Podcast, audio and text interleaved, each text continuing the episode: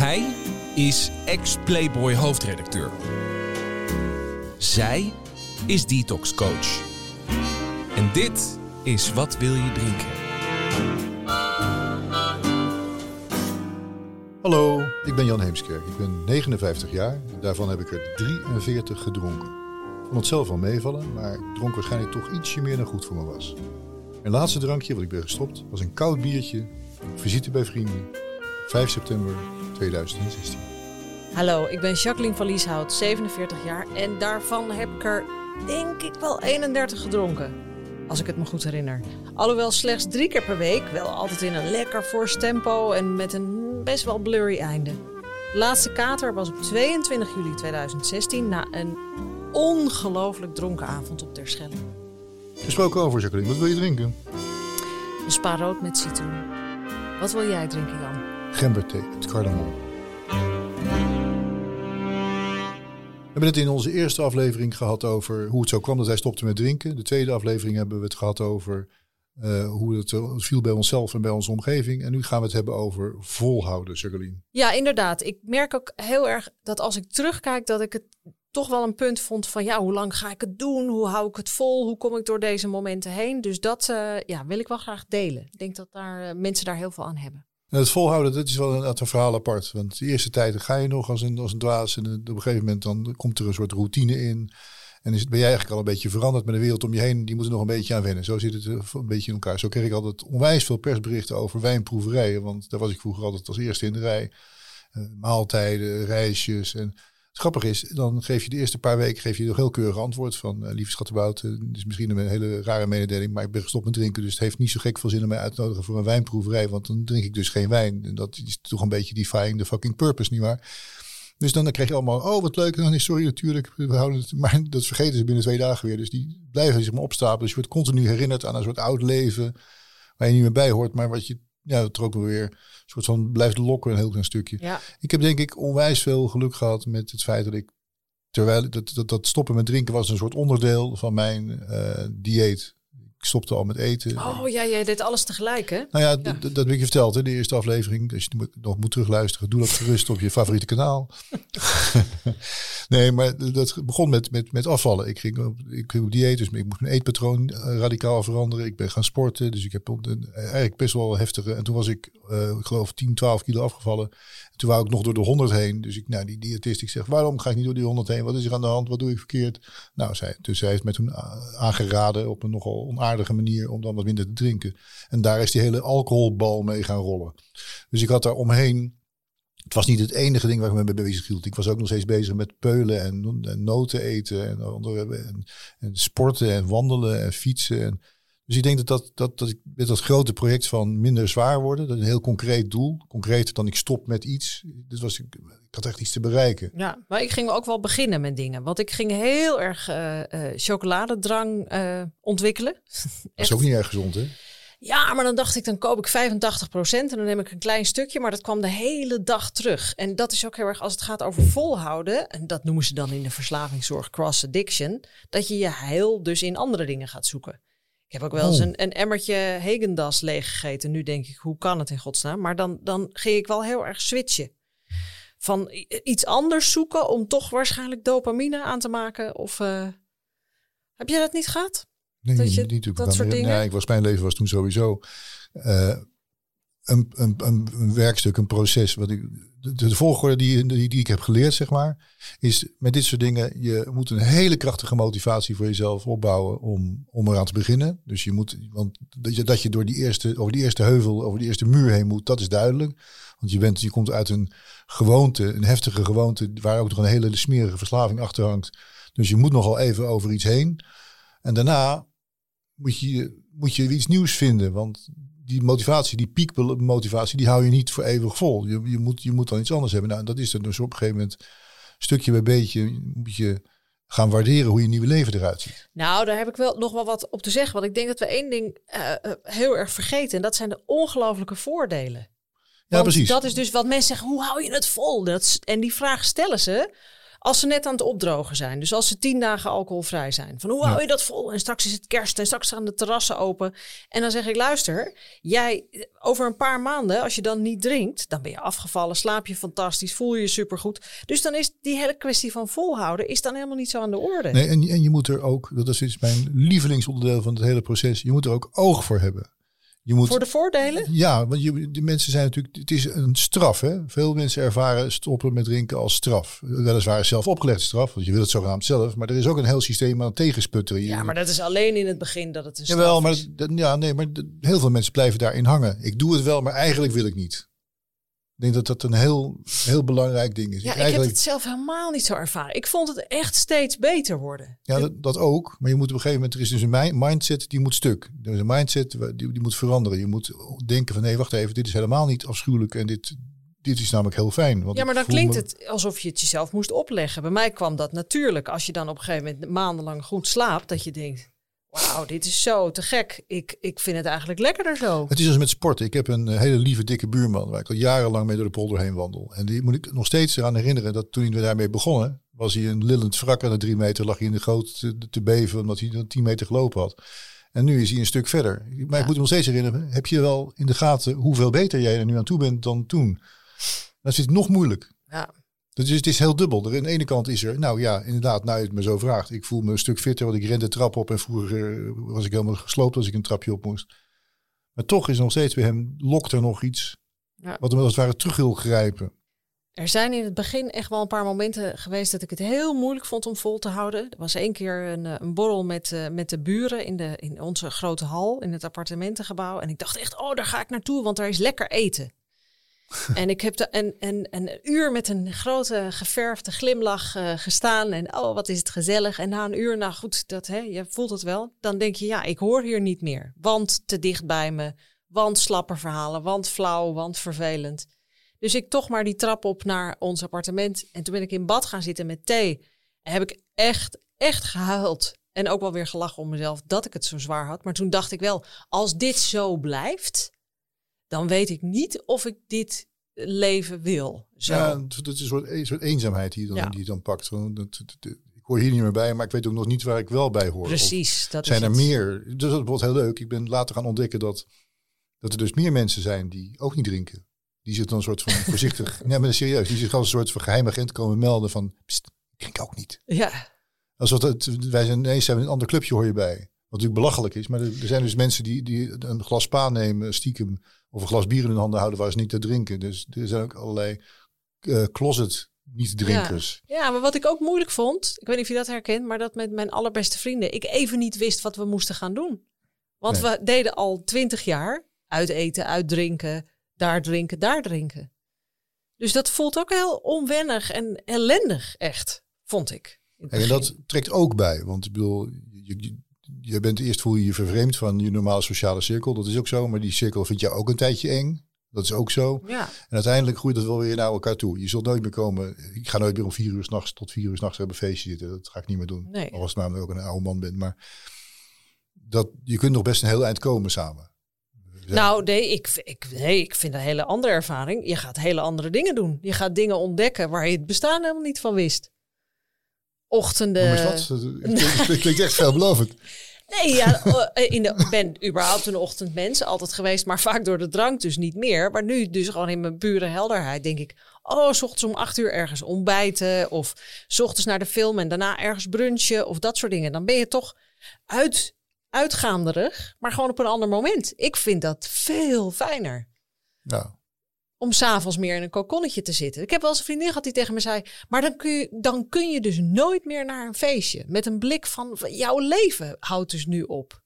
En in het begin dacht ik ook echt... ja, ik heb dus nu een knoop doorgehakt die ik nooit meer terugkrijg. Dat voelde wel zo. Vergissingje gemaakt. Ja. Nou ja, dat, er ook nog kunnen. Dat je denkt van, ik, eh, dit, dit was eigenlijk niet zo'n hele handige beslissing. Nou, maar ik heb nooit serieus gedacht. Ik ga weer beginnen. Ik voelde wel in heel mijn zijn van, dit is, dit is the way, zeg maar. Waarom? Omdat het, het leven zonder uh, een upgrade is van economy naar, niet naar business, maar naar first class. Kijk, hoor je het dus van een ander. Nou, ik heb ook nog wel eens een verhaal gehoord van, uh, van een vriendin van mij. Ik heb dat dan zelf niet meegemaakt, maar zij zei dat, van dat, ze, dat ze zich weet je, een beetje als een kreeft voelde die zijn panzer kwijt is. Dus eigenlijk altijd pijnlijk zonder panzer in de wereld rondliep. Toen dacht ik, jeetje, wat zwaar. Maar zij ervaarde dat echt zo van waar ik ook kom, op welk tijdstip van de dag of s avonds of s ochtends of overal voel ik me kwetsbaar en op het punt dat mijn tranen doorbreken. Ik weet niet wat ik met mijn avonden moet. Ik weet niet wat ik met mijn weekenden moet.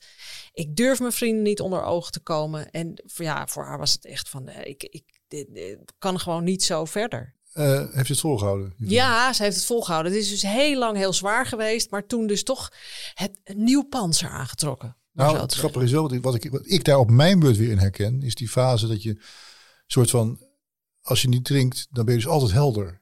Dat, is, dat, dat klinkt heel Ja. fijn en dat is het voor het grootste deel, is het dat ook. Maar het is ook wel een beetje, alles komt totaal ongefilterd op je af. Ja. Ik vind het moeilijk om dat precies te beschrijven, maar het heeft ook een soort van griezelig element. Ja. Een soort van, je zou ook wel eens willen dat het even uitstond, dat je niet alles registreerde, dat je niet overal... denkt, dat is de reden waarom je het drinkt. staan. Ja, je, je- maar dat, dat is, valt dan weg. En eigenlijk begint dan pas weer een nieuwe soort fase. Want al, al, al je, je angst en dingen, er komt zo'n soort van technicolor, luid en duidelijk. En ook dat geblaad van alle mensen. Ja, Ja. ja. dat doe ik zelf ook. Dus, Ik weet wel dat ik eh, tegen de tijd dat het december was, was ik natuurlijk al bijna een half jaar alcoholvrij. Nou, heel trots en vol goede moed naar de kerst bij mijn ouders. Nou, dat is natuurlijk voor vele mensen een ding. En ik sta heel blij in de soep te roeren van kijk mij toch eens theetje nummer vijf. En mijn broer komt binnen en zoals een oudere broer dat kan doen, tovert zo'n Franse wijn uit 1982 uit zijn tas. Zegt, kijk Jacques, goed hè, die gaan wij straks lekker opdrinken. En heel hard huilen. Dat overviel me echt. Is een beetje vergelijkbaar met jouw verhaal over dat alcoholmonster uit de vor- vorige aflevering. maar heftig toch? En toen moest ik echt, toen dacht ik, het lijkt wel alsof er een kind aan mijn been jengelt van, kom nou, het is kerst en je moet. En dat die dingen zo in je ziel zijn geëtst van, met kerst moet je drinken en met oud en nieuw moet je drinken. En dat vond ik heel zwaar. Die eerste je- keer kerst en oud en nieuw. Dan moet je dus naar een grondig gevoel die jezelf toe. Nee, dit is fake. Ik bedoel, we hebben het over fake news. Dit is, Ja, maar- dit is ja. fake. Dit is helemaal niet waar. Dit- je voelt je niet beter als je nu dat glas wijn neemt. Nee, maar weet je wat dan ook Oh. helpt? Zeggen, straks. Straks ben jij aan de beurt. Ik be- beelde het me echt zo in alsof er inderdaad dus een kind aan mijn been stond te jengelen. Straks ben jij. Morgen gaan we weer drinken. Morgen is tweede kerstdag. Dan moet ik naar mijn Maar schoonouders. Jacques, dat is, toch een, dat is toch een vorm van zelfbedotten. En ik vind het goed hoor, want zo werkt het Ja. inderdaad. Maar je bent dus jezelf een verhaaltje aan het vertellen. Ja, Morgen ben je aan de beurt voor drank. Ja. Nu gaan we nog even normaal doen. En dan hoop je maar dat de volgende ochtend vergeten bent. Het is dat soort koortsige processen. Dat soort achterlijke bochten die, U-bochten die je in je eigen hoofd maakt. Die zijn er, die zijn echt. ja, maar die, op het moment dat je die kunt observeren, dat, is, dat je echt denkt, Nou Wat? komen we ergens, nou komen we ergens. Dat- wat dat- gebeurt er in om. mijn hoofd? Of ook die onderhandeling hè, die je hebt na een paar maanden. Van, eh, oké, wat zal ik doen? Eens in de maand? Eens in de zes weken? Alleen buitenshuis? Zoals een roker ook doet, hè? Ik koop niet meer, ik biets alleen. Ja, mooi. En gelukkig had ik de wijsheid om te denken: hé, hey, ik onderhandel met mezelf. Dus ik ben nog aan het boksen met die vijand. Nou, dan kan ik het beste voorlopig weer niet beginnen. Maar ik kan me dus ook voorstellen dat mensen nu zitten te luisteren. Mensen, gewone gezelligheidsdrinkers zoals wij vroeger waren. Die hebben echt iets, deze, deze hele gekke mensen. Die, maar het is, lieve mensen, het is echt zo. Je, de, de- zo- je hebt het nu over het moment waarop je besluit om echt, eh, dat moment. Je bent heel lang nog bezig met voor jezelf. Nou, misschien dat ik volgende week weer begin met drinken. Ja, Alles maar om dat systeem te sussen wat je wil saboteren. Want er Ja. is een systeem, een alcoholsysteem, een alcoholmonster, zeg ik maar gewoon. Wat zit te wachten op zijn kans om jou in de val te lokken. En ik weet hoe belachelijk dit klinkt, maar zo is het echt. En het duurt heel lang voordat je durft te zeggen, nou oké, en nu hang de vlag maar uit. Het nieuws mag van de daken worden geschreeuwd. Ik ben gestopt voor altijd met drank. oh, dat heb ik nooit gezegd. Nee, oh ja. ik- wij- En toen zeker niet, omdat ik altijd zei: voorlopig niet. Voorlopig niet. In dat eerste jaar zei ik voorlopig niet, voorlopig niet. Maar de- drink jij wel eens vervanging? Doe je dat wel eens? Dat je echt bewust denkt: wat ga ik drinken? nee. Heb je dat wel eens? Ja, nu Nee. niet meer. Nee, voorheen heb ik alles geprobeerd wat er alcoholvrij was. En er zit zoveel rams bij dat ik liever een kopje thee heb. Oké. Maar ik kan me voorstellen dat dat ook een strategie is. Dat, wat we nu blootleggen eigenlijk, denk ik, ik hoop dat dat duidelijk genoeg gezegd is, en anders zeg ik het nog maar een keer, is er is een, als je gestopt bent, moet je sterk gemotiveerd zijn, dat is stap één. Je moet heel goed in de gaten hebben dat er voorlopig nog een van de monster ligt, ligt, ligt te- te wachten tot jij een foutje maakt. Je meteen Ja. je kuiten bijt. En je moet gaan genieten van de dingen die echt de moeite waard zijn. Namelijk gezonde Ja, maar daar krijg je dan dus weer oog voor. Daar krijg je dus ook voor, Ja, na verloop van tijd. Ja, maar dat is ook wat mensen zoveel angst inboezemt van op vakantie. Ik weet ook dat ik altijd, en dat zul je ongetwijfeld herkennen, van op vakantie betekent dan gaan we om 12 uur beginnen. En ik weet dat ik de eerste keer naar Frankrijk ging, echt gewoon ontregeld, me ontregeld voelde. Wat gaan Ergens- we daar dan doen? In de vorige aflevering vertelde jij dat je ook ontzettend bang was toen je stopte met, met drinken. Toen dat, dat, dat, dat vond ik ook heel krachtig. Dat angst, nou, als je je toch realiseert dat je bang moet zijn om ergens mee te stoppen. Als er iets je dus blijkbaar Ja. zo in de greep heeft dat de Ja. gedachte om op te houden je aanvliegt. En dat is een soort... eh, Ja, maar je hangt daar je geluk aan vast. Van dat is leuk, dat is wat ik met mijn vrienden doe, dat is wat ik doe om te ontspannen. Eh, bijvoorbeeld, ik was echt een blije drinker. Als ik een hele goede, productieve dag had gehad. Je hebt mensen die dan alleen drinken als ze bijvoorbeeld depressief zijn. Voor mij was het echt blijdschap, succes. Dat moet dan gedempt worden of zo. Nou, het is voer voor psychologen. Maar ik vond dat heel. eh, ja, wat, wat moet je dan ineens? Dan kom je thuis. Nou, ik had een goede dag. Oké, hoe moet je dat ontladen? Dat heb ik. En dan zeggen Ja. mensen: hoe heb je, heb je dat gedaan? Door het gewoon te doorstaan. Het gewoon mee te maken. nou ja, en inderdaad, registreer ook. Ja, maar- het, wordt anders. Het wordt, het wordt anders. Ja. maar dat is dus met de ervaring. En het, en het anders is in dit geval beter. Ja, maar je moet dat dus doorlopen om dat te weten. Want heel veel mensen stoppen en die zeggen: Oké, ik moet nu direct voor alles een oplossing hebben. Ja, het is gewoon de tijd door. Ja. Het ervaren hoe het is. Dus, maar zeg je dan, weet je, van is het leven nuchter dan veel beter? Ja, maar het is vooral anders. Want je hebt dus niks meer aan al je ervaringen. Je vertelde over het feestje de, in een van de vorige afleveringen. Een feestje is niet meer hetzelfde feestje als het was toen je nog dronk. Je hoort ook niet meer thuis bij de feestjes met de mensen die nog wel drinken. Want jij bent niet meer iemand die drinkt. En je klikt, je, je, je, je, je, je, vindt elkaar niet meer, je connect niet meer. Ik heb ook gemerkt, ik weet niet of jij dat, ik ben heel benieuwd of jij dat herkent, dat ik eigenlijk niet hou van hele drukke eh, gezelschapsdingen. Ja, ik was er vroeger wel goed in, maar om dat te zeggen dat ik een fan was, Maar was je er goed in omdat je het kon verdoven met alcohol? ja, dat weet ik niet. Nooit over nagedacht. Ja, dat vind ik dus heel interessant. Dat ik nu merk dat ik eigenlijk andere dingen veel leuker vind. Introvert. Ja, misschien ben ik wel introverter en meer op mezelf dan eh, dat ik had gedacht.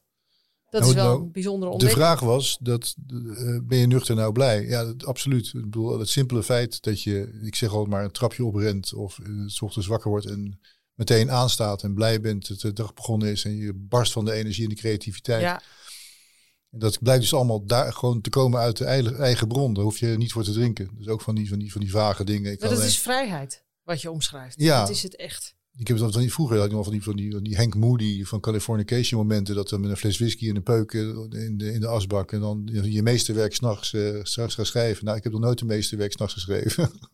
Dat je- denk je wel. Dan denk ik, dacht ik wel dat dat zo ging. Ja. Vier uur lang had je ruzie met je vrouw gehad. En dan met zo'n peuk en, een- en, en, en een flesje whisky. Dan s'avonds je, je, Ja. je, je zielige roman gaan maken of zo.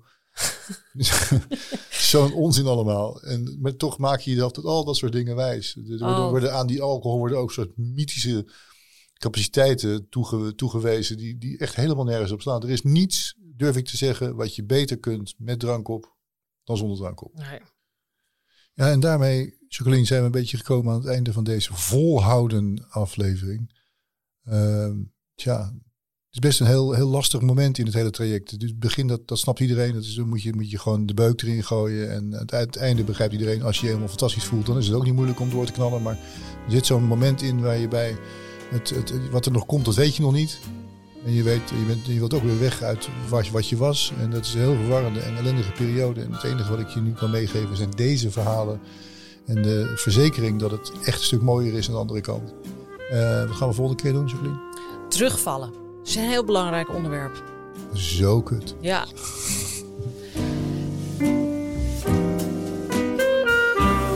Tot zover deze aflevering van Wat wil je drinken? Wil je meer weten, tips, informatie en alles over ons online programma? Kijk dan op watwiljedrinken.nl. Vergeet je ook niet te abonneren op je favoriete podcast-app en een review achter te laten. Jan, wil je nog wat drinken? Nee, ik heb echt genoeg gehad.